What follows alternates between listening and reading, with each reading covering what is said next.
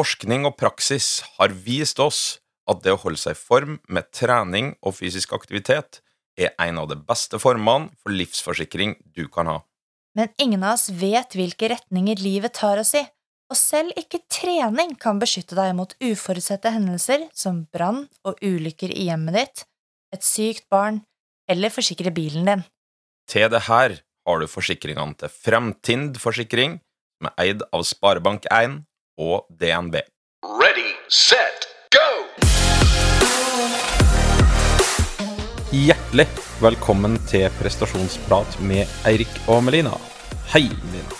Hei, Erik. Det var da voldsomt så energisk du var i stemmen her, følte jeg.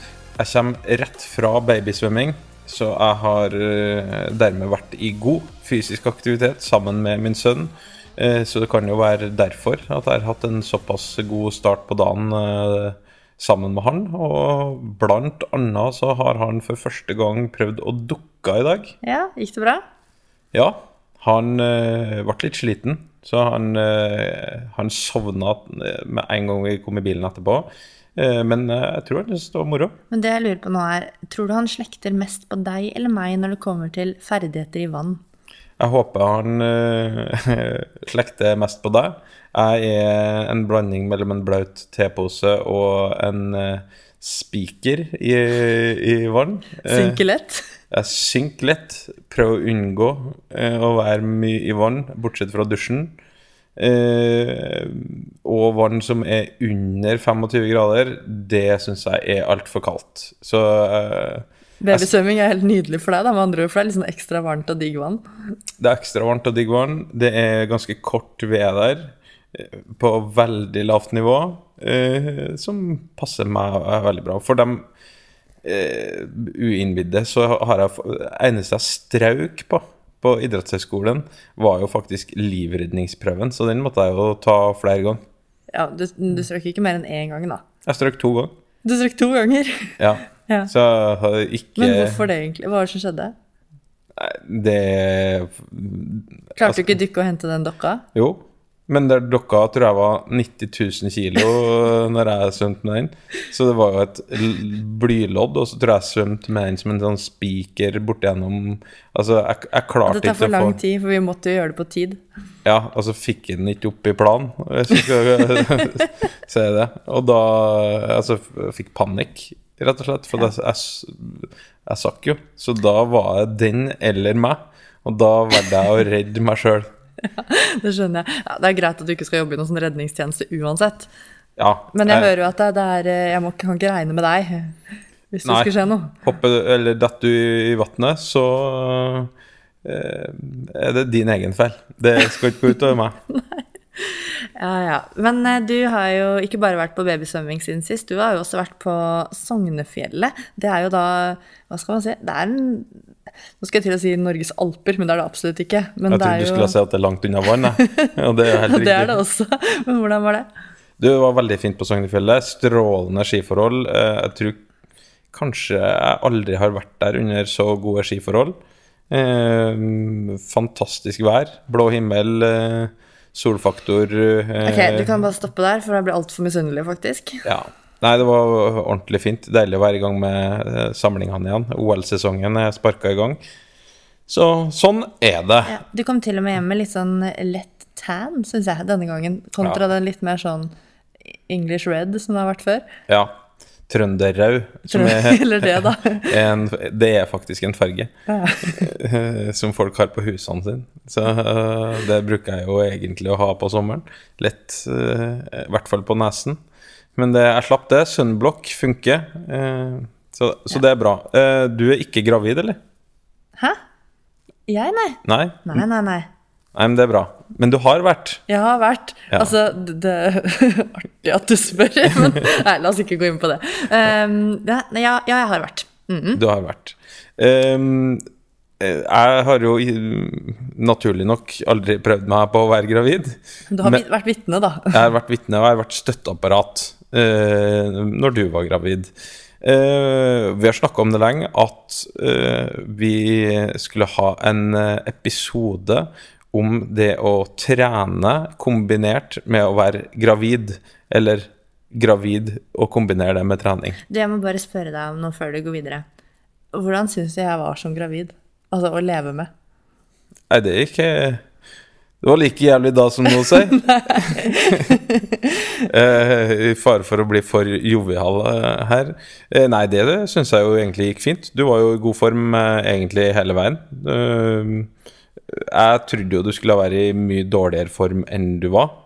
Eh, men du trente jo til og med på termindatoen, og den dagen eh, Niklas meldte sin ankomst, så eh, jeg, har, jeg tror jeg har veldig lite å klage på. Sånn for min del som støtteapparat oppi det her. Var det noen atferder som merket at endret seg, eller sånne ting du husker som var sånn Ja, det her er ikke helt Melina, eller det her er annerledes, eller Bortsett at jeg hveste ganske mye på toppen av de trappene som vi måtte gå opp fra der vi hadde leilighet før. Nei, men jeg husker på at du spiste vanvittig mye. Eh, eh, altså I ettertid så har jeg jo laga samme mengden mat til middag som, vi da, som jeg laga når du var gravid, og vi er ikke i nærheten av å spise opp. Nei, det er sant. Eh, Det, blir alltid helt sjukt mye pasta til overs, fordi at du tenker at jeg spiser sånn som før, da.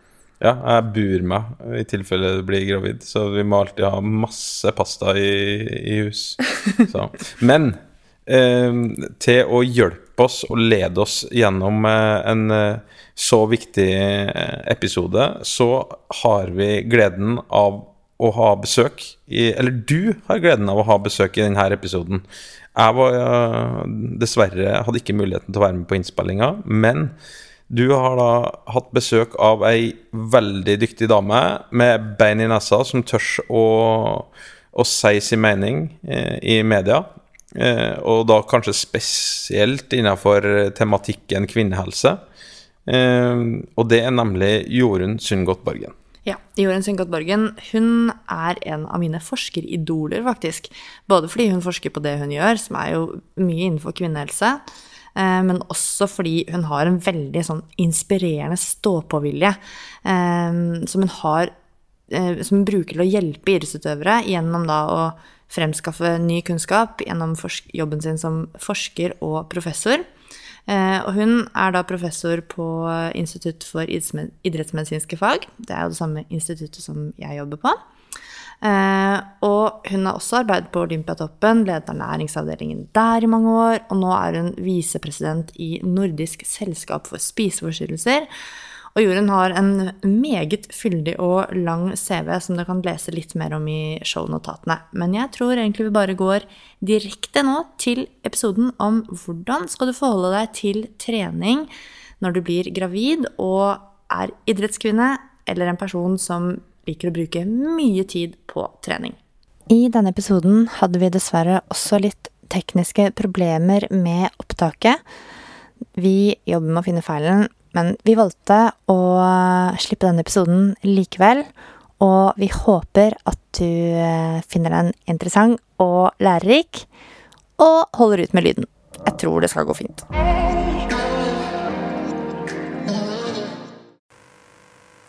Ok, nå i den siste oppdateringen fra Verdens helseorganisasjon om anbefalingene for fysisk aktivitet, så ble faktisk endelig gravide inkludert. Eh, For faktum er jo det at den generelle befolkningen eh, når det gjelder kvinner, faktisk ikke er fysisk aktive nok. Altså De møter jo ikke anbefalingene for å være fysisk aktive. Og for gravide kvinner eh, så reduseres som regel aktivitetsnivået utover i svangerskapet. Men så har du på den andre siden en gruppe kvinner som eh, minst oppfyller anbefalingene for fysisk aktivitet. Og mange av de har det også som jobb, for de er idrettsutøvere. Og det er disse kvinnene vi skal snakke om nå. Og vi lurer jo veldig på hvordan man skal forholde seg til trening som gravid idrettskvinne. Og det skal vi se nærmere på med veldig god hjelp av professor ved Norges idrettshøgskole, Jorunn Sundgodt Borgen. Velkommen til prestasjonsprat, Jorunn. Takk skal du ha. Um, vi tenkte at det er fint at du får introdusere deg selv litt, og fortelle om hvem du er og hva du jobber med i dag. Det gjør jeg gjerne. Jeg jobber på Idrettshøgskolen på Institutt for idrettsmedisin. Og har vært på Idrettshøgskolen i veldig mange år. Jeg har også vært på Olympiatoppen i 15 år. Så jeg jobber jo til daglig med det jeg syns er aller mest spennende, og det er kvinnelige utøvere og deres helse. Det er det jeg jobber mest med. Men så er det jo også andre områder eh, hvor jeg har undervisning og veiledning av studenter osv. Men eh, kvinnehelse og det å klare å opprettholde optimal helse for kvinnelige utøvere, det har vært en sånn baby for meg helt siden jeg begynte min forskerkarriere da i slutten av 20-årene. Ja, altså, du har virkelig banet vei for, eh, for, veldig mye av den kunnskapen som, vi, eh, som har blitt fremforsket, og vi har nå. Og jeg regner med at du ikke har tenkt å stoppe enda? ikke tenkt å stoppe enda. Jeg vet at det har gått en del år hvor jeg har holdt på med disse ulike temaene, som stadig er i utvikling, heldigvis. Og, og, det som er så artig, det er at vi blir stadig flere, ikke bare kvinner, men også menn, som interesserer seg for utøveres helse. Og det, ja, det er motiverende å få jobbe med unge stipendiater som er ekstremt dyktige, og som stiller de vanskelige, men nødvendige spørsmålene som gjør at vi kommer videre på feltet her. Mm, så bra å høre. Um, når det gjelder ja, feltet, da. Jeg har jo eh, forsøkt meg på et par litteratursøk når det gjelder hvordan man skal eh, forholde seg til trening som gravid idrettskvinne. Mm. Om idrettskvinne så mener jeg altså, både mosjonister, supermosjonister og de som, som er idrettsutøvere. Mm. Men jeg syns ikke jeg fant så veldig mye. Hvordan ser egentlig forskningsfeltet ut fra, fra ditt synspunkt? Det er et forsømt felt. Mm. Eh, vi har, som du sa innledningsvis, nå heldigvis eh, fått opp på agendaen at eh, det er normalt og viktig at såkalte vanlige kvinner er fysisk aktive gjennom hele svangerskapet og så fort som mulig etter fødsel også. Når det gjelder de som trener mye og som ønsker å opprettholde prestasjonsnivå, videreutvikle etter fødsel osv., så, videre, så er det bedrøvelig lite.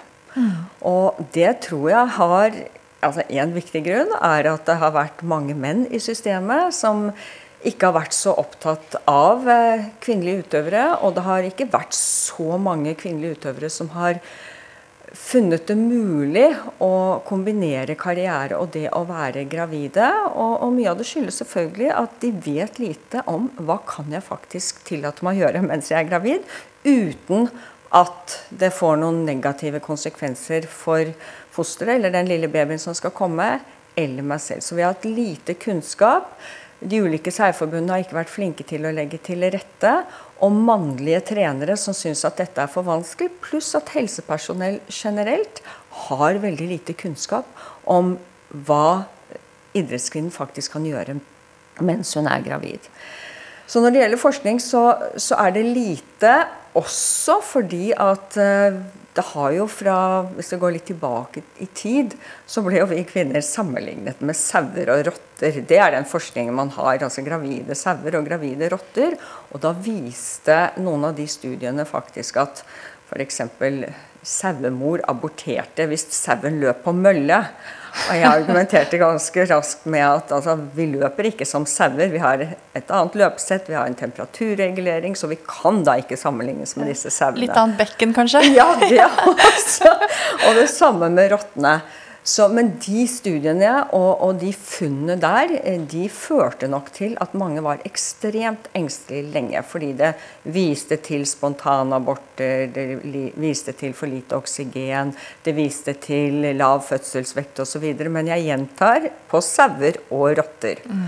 Så kom det én studie som ikke er godt kontrollert i det hele tatt, men den viste også da at de som trente forholdsvis mye, det var én time om dagen, de fødte mindre barn. Men i den studien hadde de ikke kontrollert for om mamma spiste ok underveis i svangerskapet, om hun røyket. Det er jo ikke så mange som trener mye som gjør det, men det er jo noen. Men det var altså en dårlig kontrollert studie, og ikke noe vi egentlig kunne bruke for å veilede eh, kvinner som trener mye. Mm.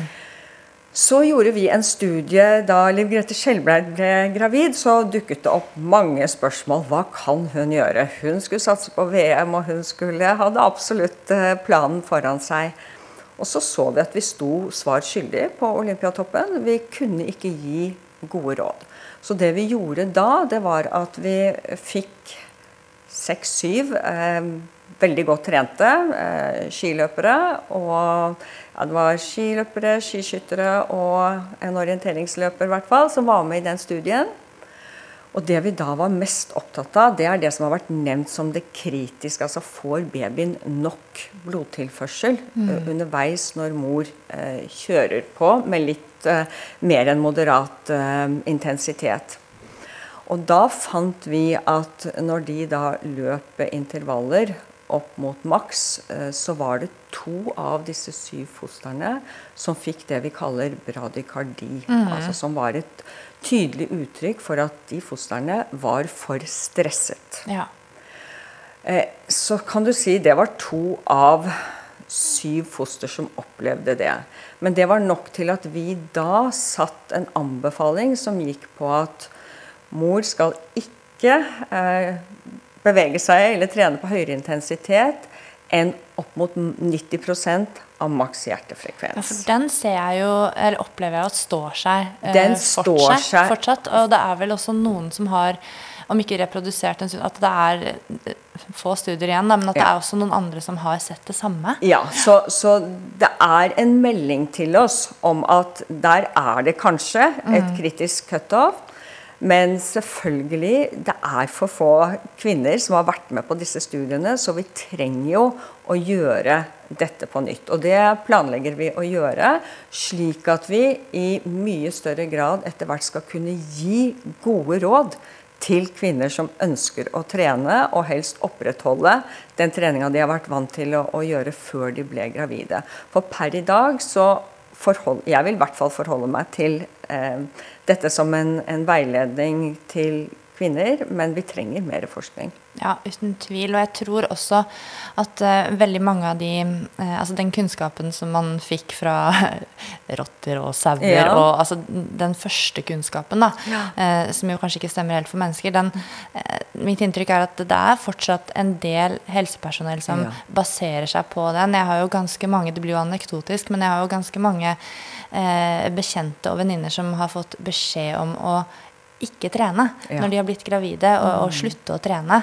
Uh, uten at de, de, føler seg, har noe sykdomsfølelse eller De føler seg ok, men man spør jo selvfølgelig sin lege eller sin jordmor ja. til råds, og da får beskjed om at eh, nei, nå, nå er det viktig at du bare hviler. Ja, og så blir de kjempefrustrerte, ja, disse, disse, kvinnene. Det er ekstremt uheldig, og jeg tenker at en kvinne som er vant til å trene, og trene mye, det er klart at hun tilpasser seg svangerskapet på en fantastisk måte.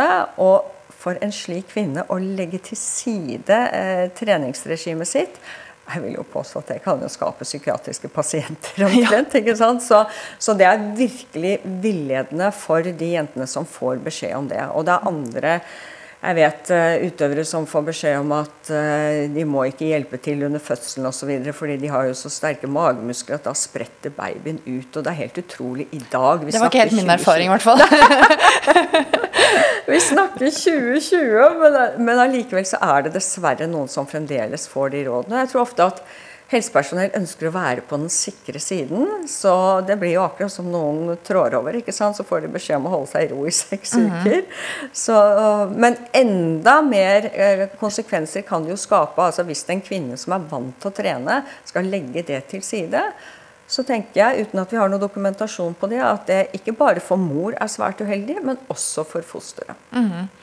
Vi, mm, det vel, var det Lene Håkstad som gjorde en, et doktorgradsarbeid på dette med kvinner som ikke har trent før, men mm. som, som, begynte å trene i svangerskapet. Og de fikk jo veldig gode resultater på helseparameterne sine. Og det kommer vel noen anbefalinger nærmest ut fra, fra det arbeidet om at eh, selv om du ikke også har, har vært fysisk aktiv ja. noe særlig, så kan du godt faktisk begynne når du blir gravid, for det er bra for mor og barn. Ja, Det tenker jeg er veldig viktig at blir hengende igjen etter uh, denne samtalen vår. At det er helt greit å begynne, men det er ikke da du begynner å planlegge maraton. Hvis Nei. du aldri har vært aktiv før. Det handler liksom om å gjøre noe fysisk aktivitet, ja, men kanskje ikke liksom, ta de store prosjektene Nei. innover seg. Nei, bra.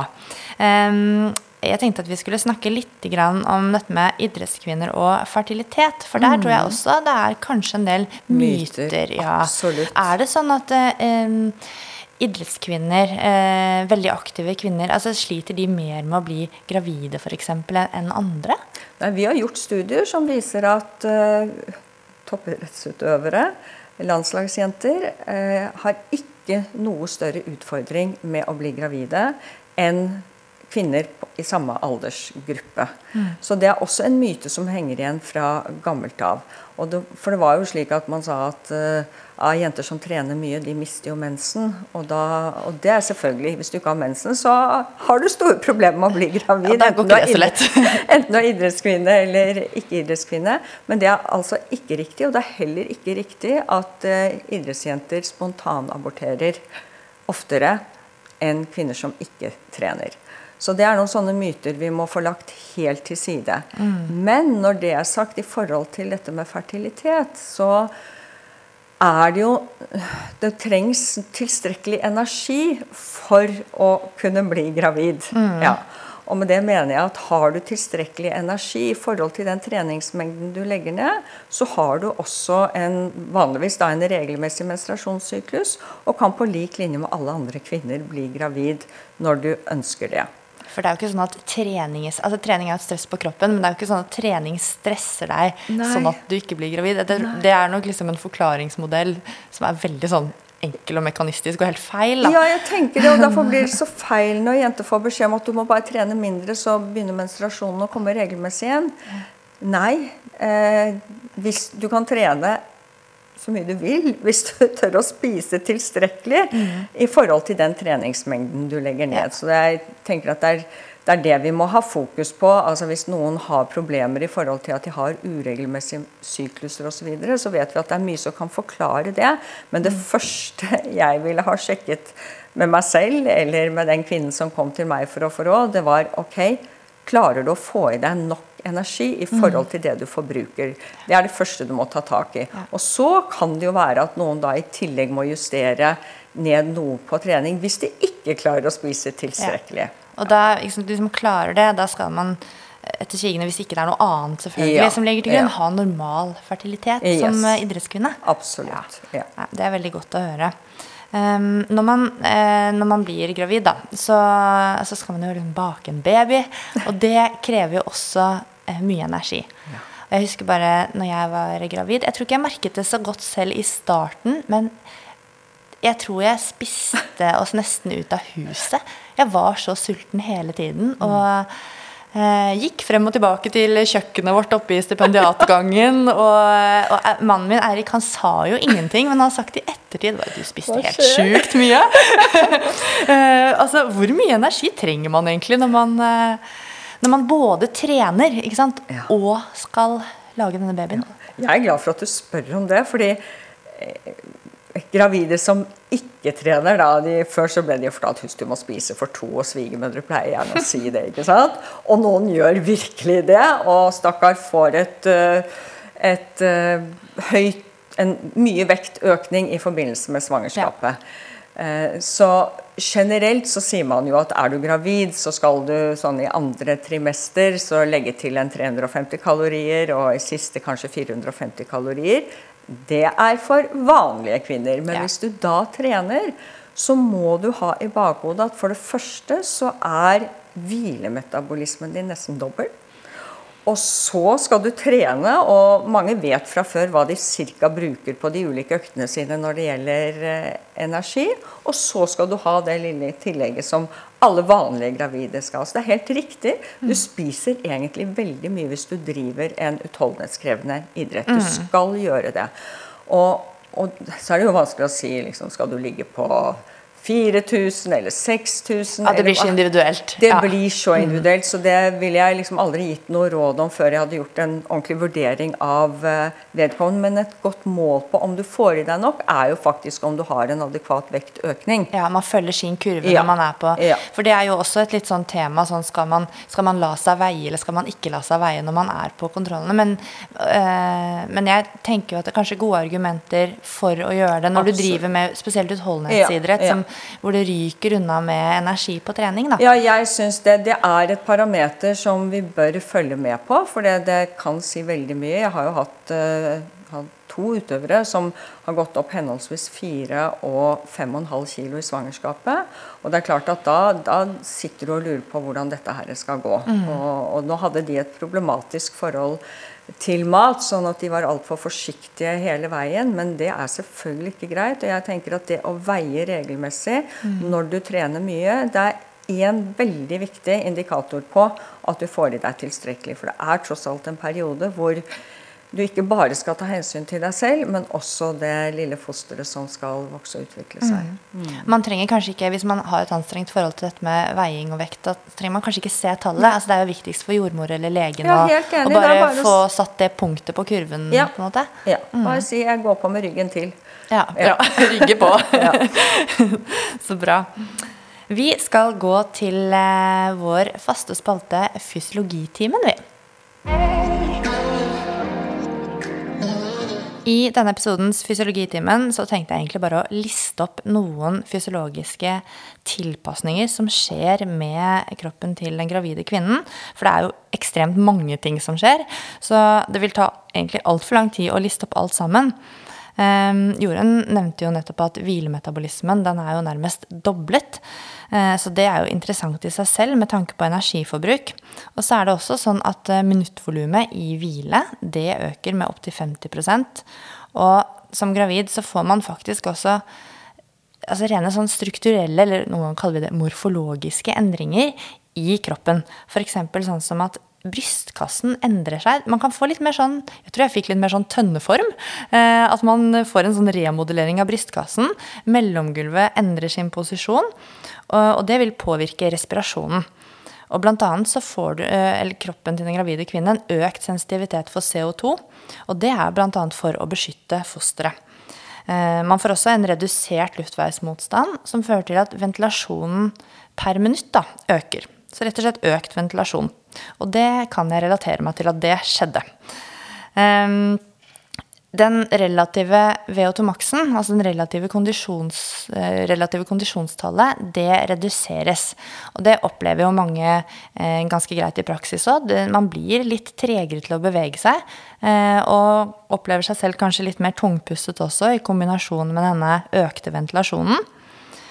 Og selve hjertet endrer faktisk også litt grann posisjon i kroppen. Det kan roteres eh, noen grader, og man kan få også økt dimensjon av hjertet, spesielt venstre ventrikkel, så man får faktisk et forbigående litt sånn litt større hjerte. Du kan si nesten at alle gravide kvinner får litt idrettshjerte veldig forbigående. For det er jo ikke snakk om at eh, man har en økt hjertestørrelse eh, med tanke på altså patologi og sykdom. Det er jo på samme måte som personer som er veldig godt trente, da.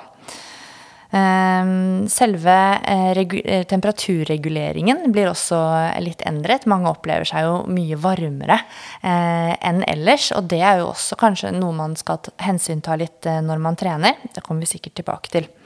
Så det var jo bare for å nevne noe av alt det fantastiske som skjer med kvinnekroppen når hun blir gravid. Ok, professor Jorunn Sundgodt-Borgen. Nå trenger vi noen, eh, noen, flere råd her. Når man skal tilpasse treningen sin altså må, Vi må jo snakke veldig generelt nå. Mm. Um, men hva er liksom det første du tenker at man bør gjøre hvis eh, La oss si at vi har en, eh, en utholdenhetsutøver, da. Mm. Hva er liksom første stegene når det gjelder å tilpasse treningen? Jeg tenker at de fleste kan fortsette akkurat sånn som de har gjort ja. før de ble gravide.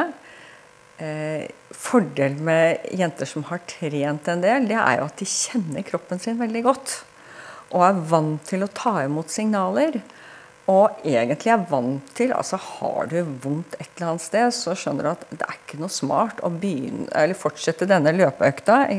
Og sånn blir det når du er gravid også. Mm. Så for mange så skjer den naturlige Det er en naturlig tilpasning. Så det eneste jeg ville vært, eh, ja, vært tydelig på, er at jeg ville lagt til side eh, intervalltreningen, lange intervaller, det ville jeg ikke ha gjort mm. underveis i svangerskapet. Jeg ville vente til jeg var ferdig. Det er så mye annet du kan bruke tiden på eh, i de månedene vi snakker om her, at det ville jeg lagt bort. Men kjenner du at det er noe i bekken eller hofte eller knær, så finn noe alternativt. Og for noen så går det å løpe til timer før du skal inn på føden omtrent. Og for andre så kjenner de det allerede sånn i slutten av andre trimester at dette her er ikke greit. Ja, Det er, eh, det er min erfaring at det styrer seg egentlig litt Ja, det selv. Det der. det. Og vi, jeg har jo fått inn kjempemange spørsmål av eh, kvinner som akkurat har blitt eh, gravide, Ja. og også eh, idrettsjenter som planlegger å bli det, Mm. som lurer på akkurat dette her. Hvordan skal jeg tilpasse, og hva skal jeg kjenne etter? Og det er jo selvfølgelig sånn ting man lurer på når du ikke er i den situasjonen, eller når du er helt i starten og alt Ja, er veldig sånn usikkert, og kanskje det er før tolv uker, og så Ja. hele den pakka der. Men, men det er jo egentlig som Vi hadde en episode her med Idrettsskadesenteret, og, og da snakket vi om at det, du, du skal ikke trene med smerter, og du skal ikke bli vant til å trene med, med smerter og Nei. vondt og ubehag. Og det er, jeg kan tenke meg, det er jo det samme som gjelder som gravid. Ja, ja.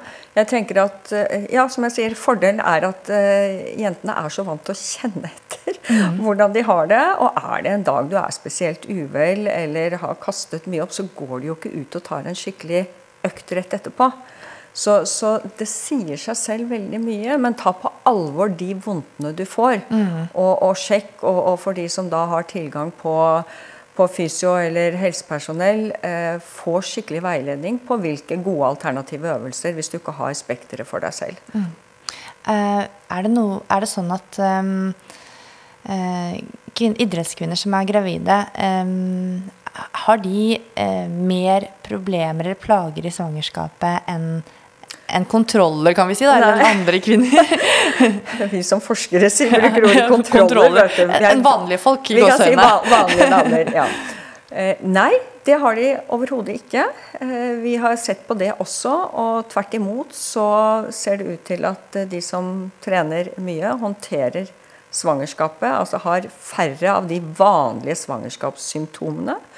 Og det er vel sannsynligvis fordi de i utgangspunktet har en godt trent kropp, ikke sant? som håndterer denne egentlig enorme belastningen som det er å være gravid. At man tåler litt mer, på en måte? ja, tåler litt mer. Og når det er sagt, så, så vet vi jo at uh, idrettskvinner har ofte en smerteterskel som er rimelig høy. Og jeg tenker at det er viktig at den skal ikke spesielt utfordres i, i de ja, syv-åtte månedene hvor vi vet om at vi er gravide. Det kan du vente med. Det er ikke nå du skal pine deg eller eh, prøve noen nye regimer. Det ville jeg ikke ha gjort. Nei, det er liksom ikke tiden for å tøffe seg på noe Nei, vis. det er ikke det. Så når noen eh, liksom eksemplifiserer med at jeg har hatt eh, mange samlinger sammen med gutta, og jeg dro på og, og kjørte dem i senk og sånn, så det er ikke da du trenger å vise det. Nei. Det, jeg tenker det er prestasjon nok er å, å liksom klare å, å holde seg i trening og i tillegg eh, gå gjennom svangerskapet. da. Absolutt. Og så tenker jeg at det er viktig, selv om vi ser at de aller fleste klarer dette veldig greit, så er jo et svangerskap veldig individuelt. Vi har jo opplevd jenter som helt mister selvfølelsen og identiteten. For jeg, jeg som har vært vant til å trene så mye, og jeg sa til alle at jeg skulle fortsette gjennom svangerskapet, og jeg skulle på banen med en gang jeg hadde født. Og så klarer jeg ikke å gå ut og ha en rolig økt engang. Husk at dette er individuelt, og forsøk å ikke se det som et nederlag.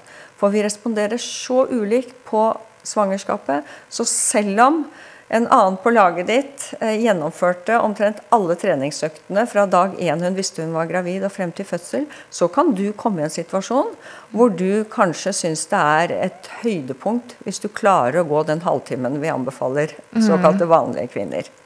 Ja, ikke sant? Så Det er også veldig viktig poeng å ikke sammenligne seg Mm. med andre. Men er det da sånn at um, eh, Nå vet jeg ikke om dere har Jo, dere har vel kanskje kartlagt noe om det også. Hvordan liksom eh, kroppstilfredsheten, Mm. eller, eh, eller hva man Det er sikkert ikke riktig uttrykk, ja. Men, men hvordan man ser på seg selv da, som, som eh, gravid. Er, det, er, liksom, er idrettskvinner mer opptatt av det der? Ja, og det, det skjønner jeg uh, ikke, ikke nødvendigvis i retning av at de er misfornøyd med hvordan kroppen ser ut. Men det kjennes jo at det påvirker det du gjør. Så, så i motsetning da til Jeg sier ikke at alle idrettsjenter Undersøkelsen viser ikke at alle idrettsjenter går rundt og sier 'yes, jeg er lykkelig over at kroppen min form og størrelse endrer seg'. Det er ikke nødvendigvis slik, men misfornøydheten går mer på at ah, jeg kan ikke gjøre det akkurat sånn som jeg pleier å gjøre det. Jeg kjenner at jeg har blitt tyngre, jeg kjenner at uh, jeg må tilpasse litt. Så det er det misfornøydheten går på. Mm. Og det mener jo jeg er helt greit og veldig ja. overkommelig, for det er som sagt De månedene går rimelig fort. Og det viser seg jo også at veldig mange er veldig raskt tilbake. Og er raskt i samme form som de var uh, før de begynte svangerskapet. Så jeg tenker at de klarer å håndtere de månedene med i anførselstegn misfornøydhet. Ja, det, er, eh, det var fint du på en måte presiserte litt der at det ikke handler nødvendigvis om utseende, men mer om funksjon. Ja. Og det er jo ofte der altså De som driver med idrett, er jo veldig opptatt av akkurat det. Hva ja. du får til.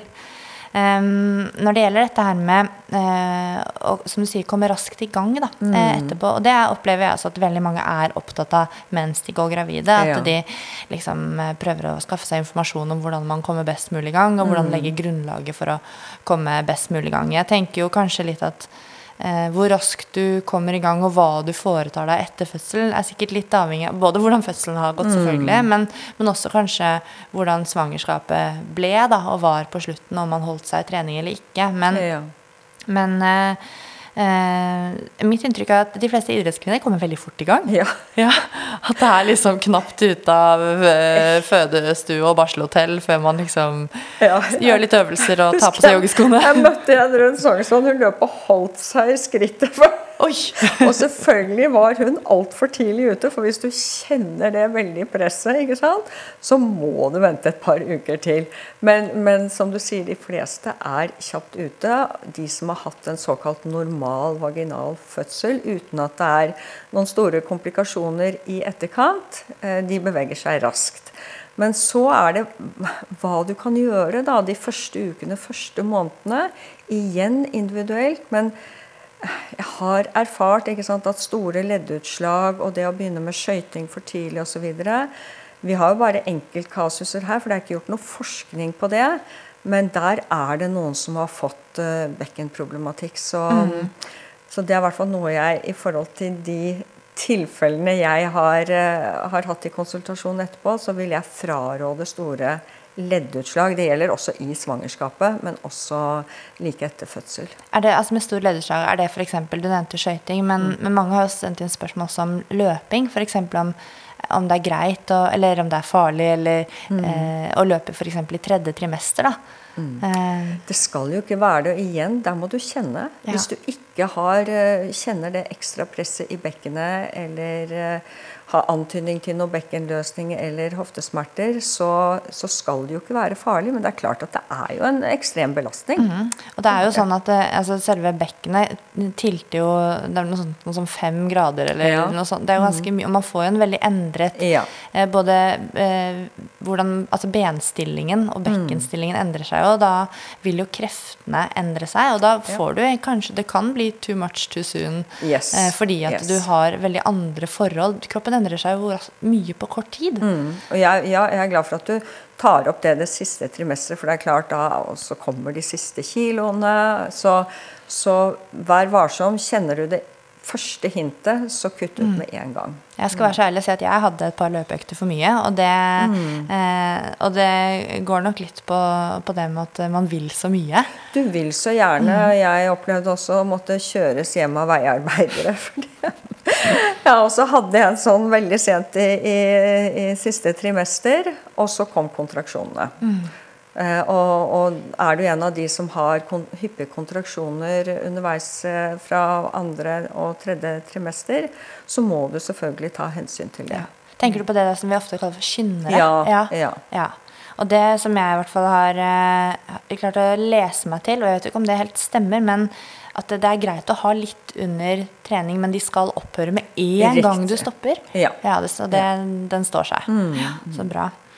Um, ja, og så tenker jeg at vi må bare understreke dette her med, som vi var inne på helt i starten, med puls. Um, og jeg skal gjøre noe som, noe som, man, eh, som man bør kunne gjøre som fagperson, og det er å innrømme at man har tatt feil. Har du det noen gang? oh yes, Jorunn. Eh, Men det er jo viktig å kunne liksom eh, endre på noe man har trodd.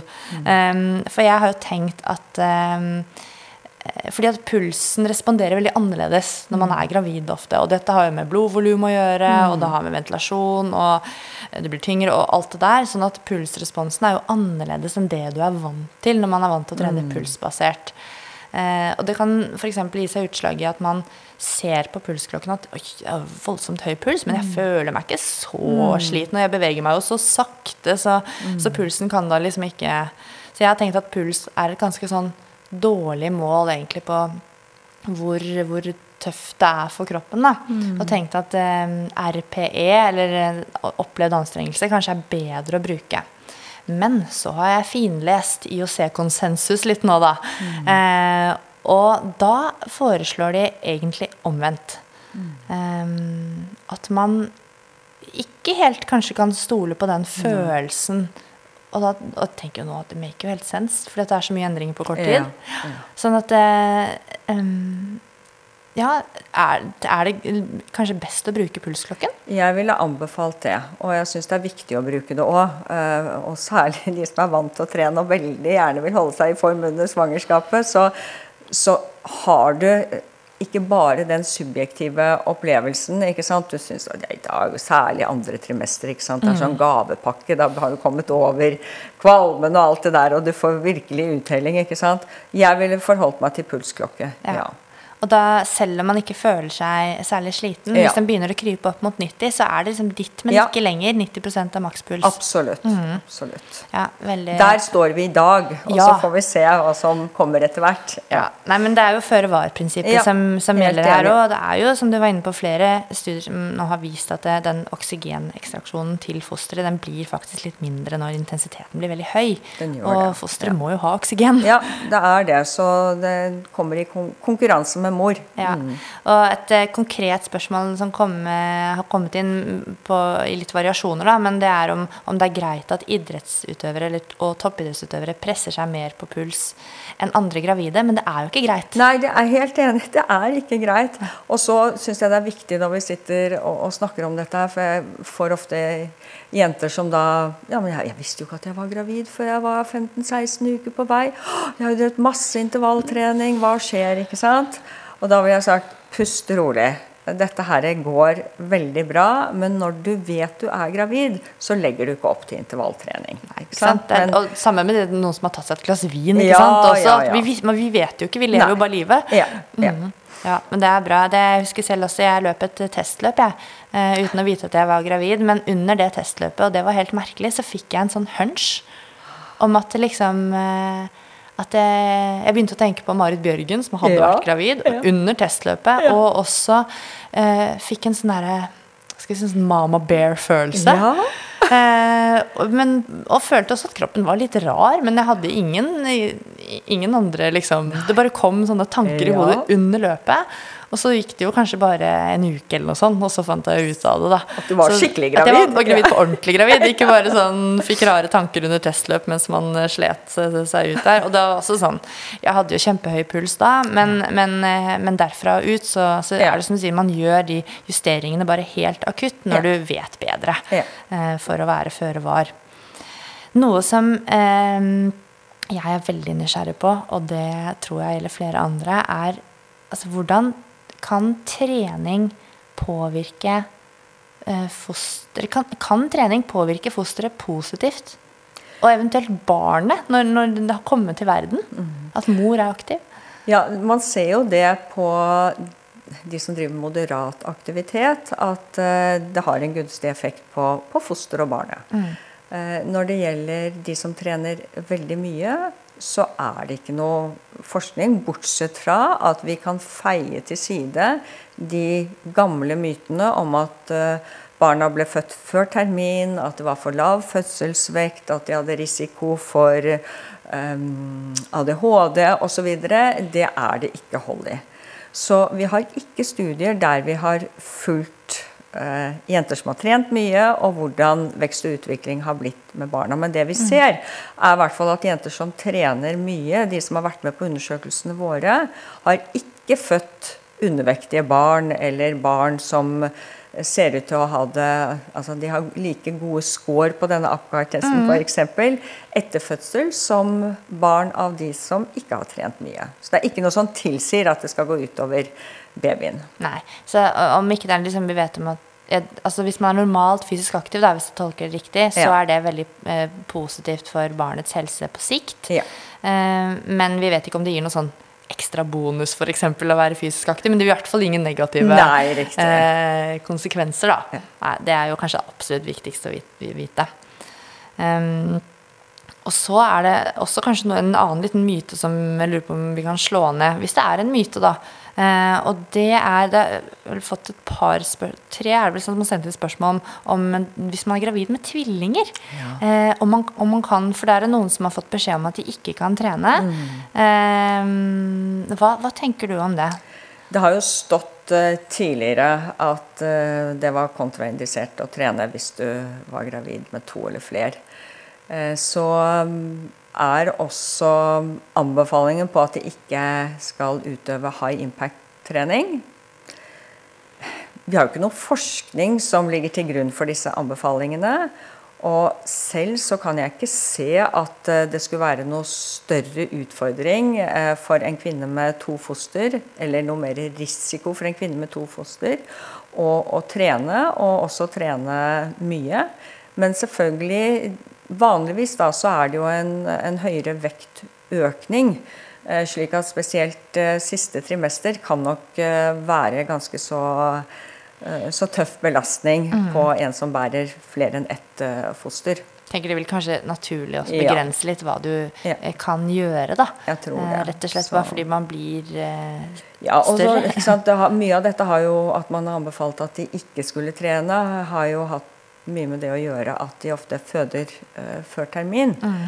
Uh, og, men det er jo ikke noe som tilsier at de som trener uh, mye, føder før termin. Nei, for det var også et spørsmål ja. om, om, trening kan indusere fødsel, men det er ikke som sådan. Nei, altså det er, jo, det er jo kanskje noen som ønsket å i hvert fall føde til termin og ikke gå over tiden og tar seg en ekstra treningsøkt, men, men, trening per se eh, provoserer ikke fram en fødsel. Nei. det er jo et av liksom, livets store mysterier. Er hvor, hvorfor kommer babyen i dag, liksom? Ja, Hva er det som ja. Og der har jeg fått mange utålmodige jenter som trener mye. som jeg har termin i dag, denne babyen kommer aldri! Nei, det føles jo lenge, ja. lenge på slutten der. Det, det, gjør det. Jeg feiret eh, termindagen selv med en, um, en rulleskiøkt opp til Tryvann. Jeg kunne jo ikke løpe på slutten der. Jeg fikk noen rare blikk. altså Gikk der med den store magen og vagget på synes jeg gikk, Da ja. syns jeg gikk ganske bra. Men jeg har sett på film etterpå at Ref dette med bekkenet. Jeg gikk jo litt merkelig ja. med den teknikken. Og er, jeg tror det er kjempeviktig det du sier. For få noen til å observere deg, fordi at vi er tilpasningsdyktige. ikke sant? Og det er mm. akkurat som når du har en skade, så begynner du jo med avlastning ikke sant? og tilpasse teknikken. Mm. Og sånn er det også med graviditeten. Og det er selvfølgelig ja, høy risiko for å få noen skader ja. eh, hvis du begynner å sjonglere med teknikken. Legge til deg ja. merkelige mønster. Veldig bra. Da tror jeg vi har blitt ganske mye klokere på hvordan man kan forholde seg til trening som gravid mm. idrettskvinne. Og egentlig ganske normalt, da. Ja. ja det er liksom, men det, det, er så interessant at det er eh, ja, det er så mange myter og spørsmål rundt dette her, når det vi vet tilsier at du kan egentlig bare fortsette livet ditt som før og ta hensyn. Ja, ta hensyn. Ja. Og, og så tror jeg vi må være flinkere til å få dette ut til allmennheten. For jeg merker så mange jenter som er så fortvilt, for de får hele tiden kommentarer fra mm. velmenende svigermødre og samboere og alt mulig om hvor gærent dette kommer til å gå. Og det er helt forferdelig. Vi vet at dessverre så er det, det er noen som aborterer, og det er noen som ikke får såkalte normale svangerskap, og noen, noen som ikke føder friske unger. Men det har ikke noe med treningen å gjøre. men det å hele tiden få den type kommentarer, det er i hvert fall det de jentene som har vært med i undersøkelsene våre også sier, at det er utrolig belastende. Du ønsker jo å gjøre alt vel både for fosteret og deg selv i den perioden, men det å få sånne stikk hele tiden Er du sikker på at dette er riktig? Dette her kan gå helt gærent. Jeg vet om den og den. Det, det må folk legge av seg. Ja, definitivt. Og jeg var veldig glad for å treffe på en lege i mitt svangerskap som eh, Hun var veldig på at jeg skulle være fysisk aktiv, og hun sa Eh, hvis du ikke orker å trene en dag, så da, da kan du gå deg, gå deg en tur. Eh, ut og få frisk luft, og bare liksom ta den lavest hengende frukten. Ja, men, men, men gjør noe. Hun var veldig Ja, på. vi trenger sånne. Ja, og det er kjempe, kjempefint. Så der hører dere alle sammen. Og eh, idrettskvinner de har veldig fine svangerskap, eh, hvis vi skal oppsummere. De takler svangerskapsrelaterte symptomer kanskje enda bedre enn eh, en de som ikke trener så mye. Og de får friske barn. De kommer relativt raskt tilbake etter fødsel.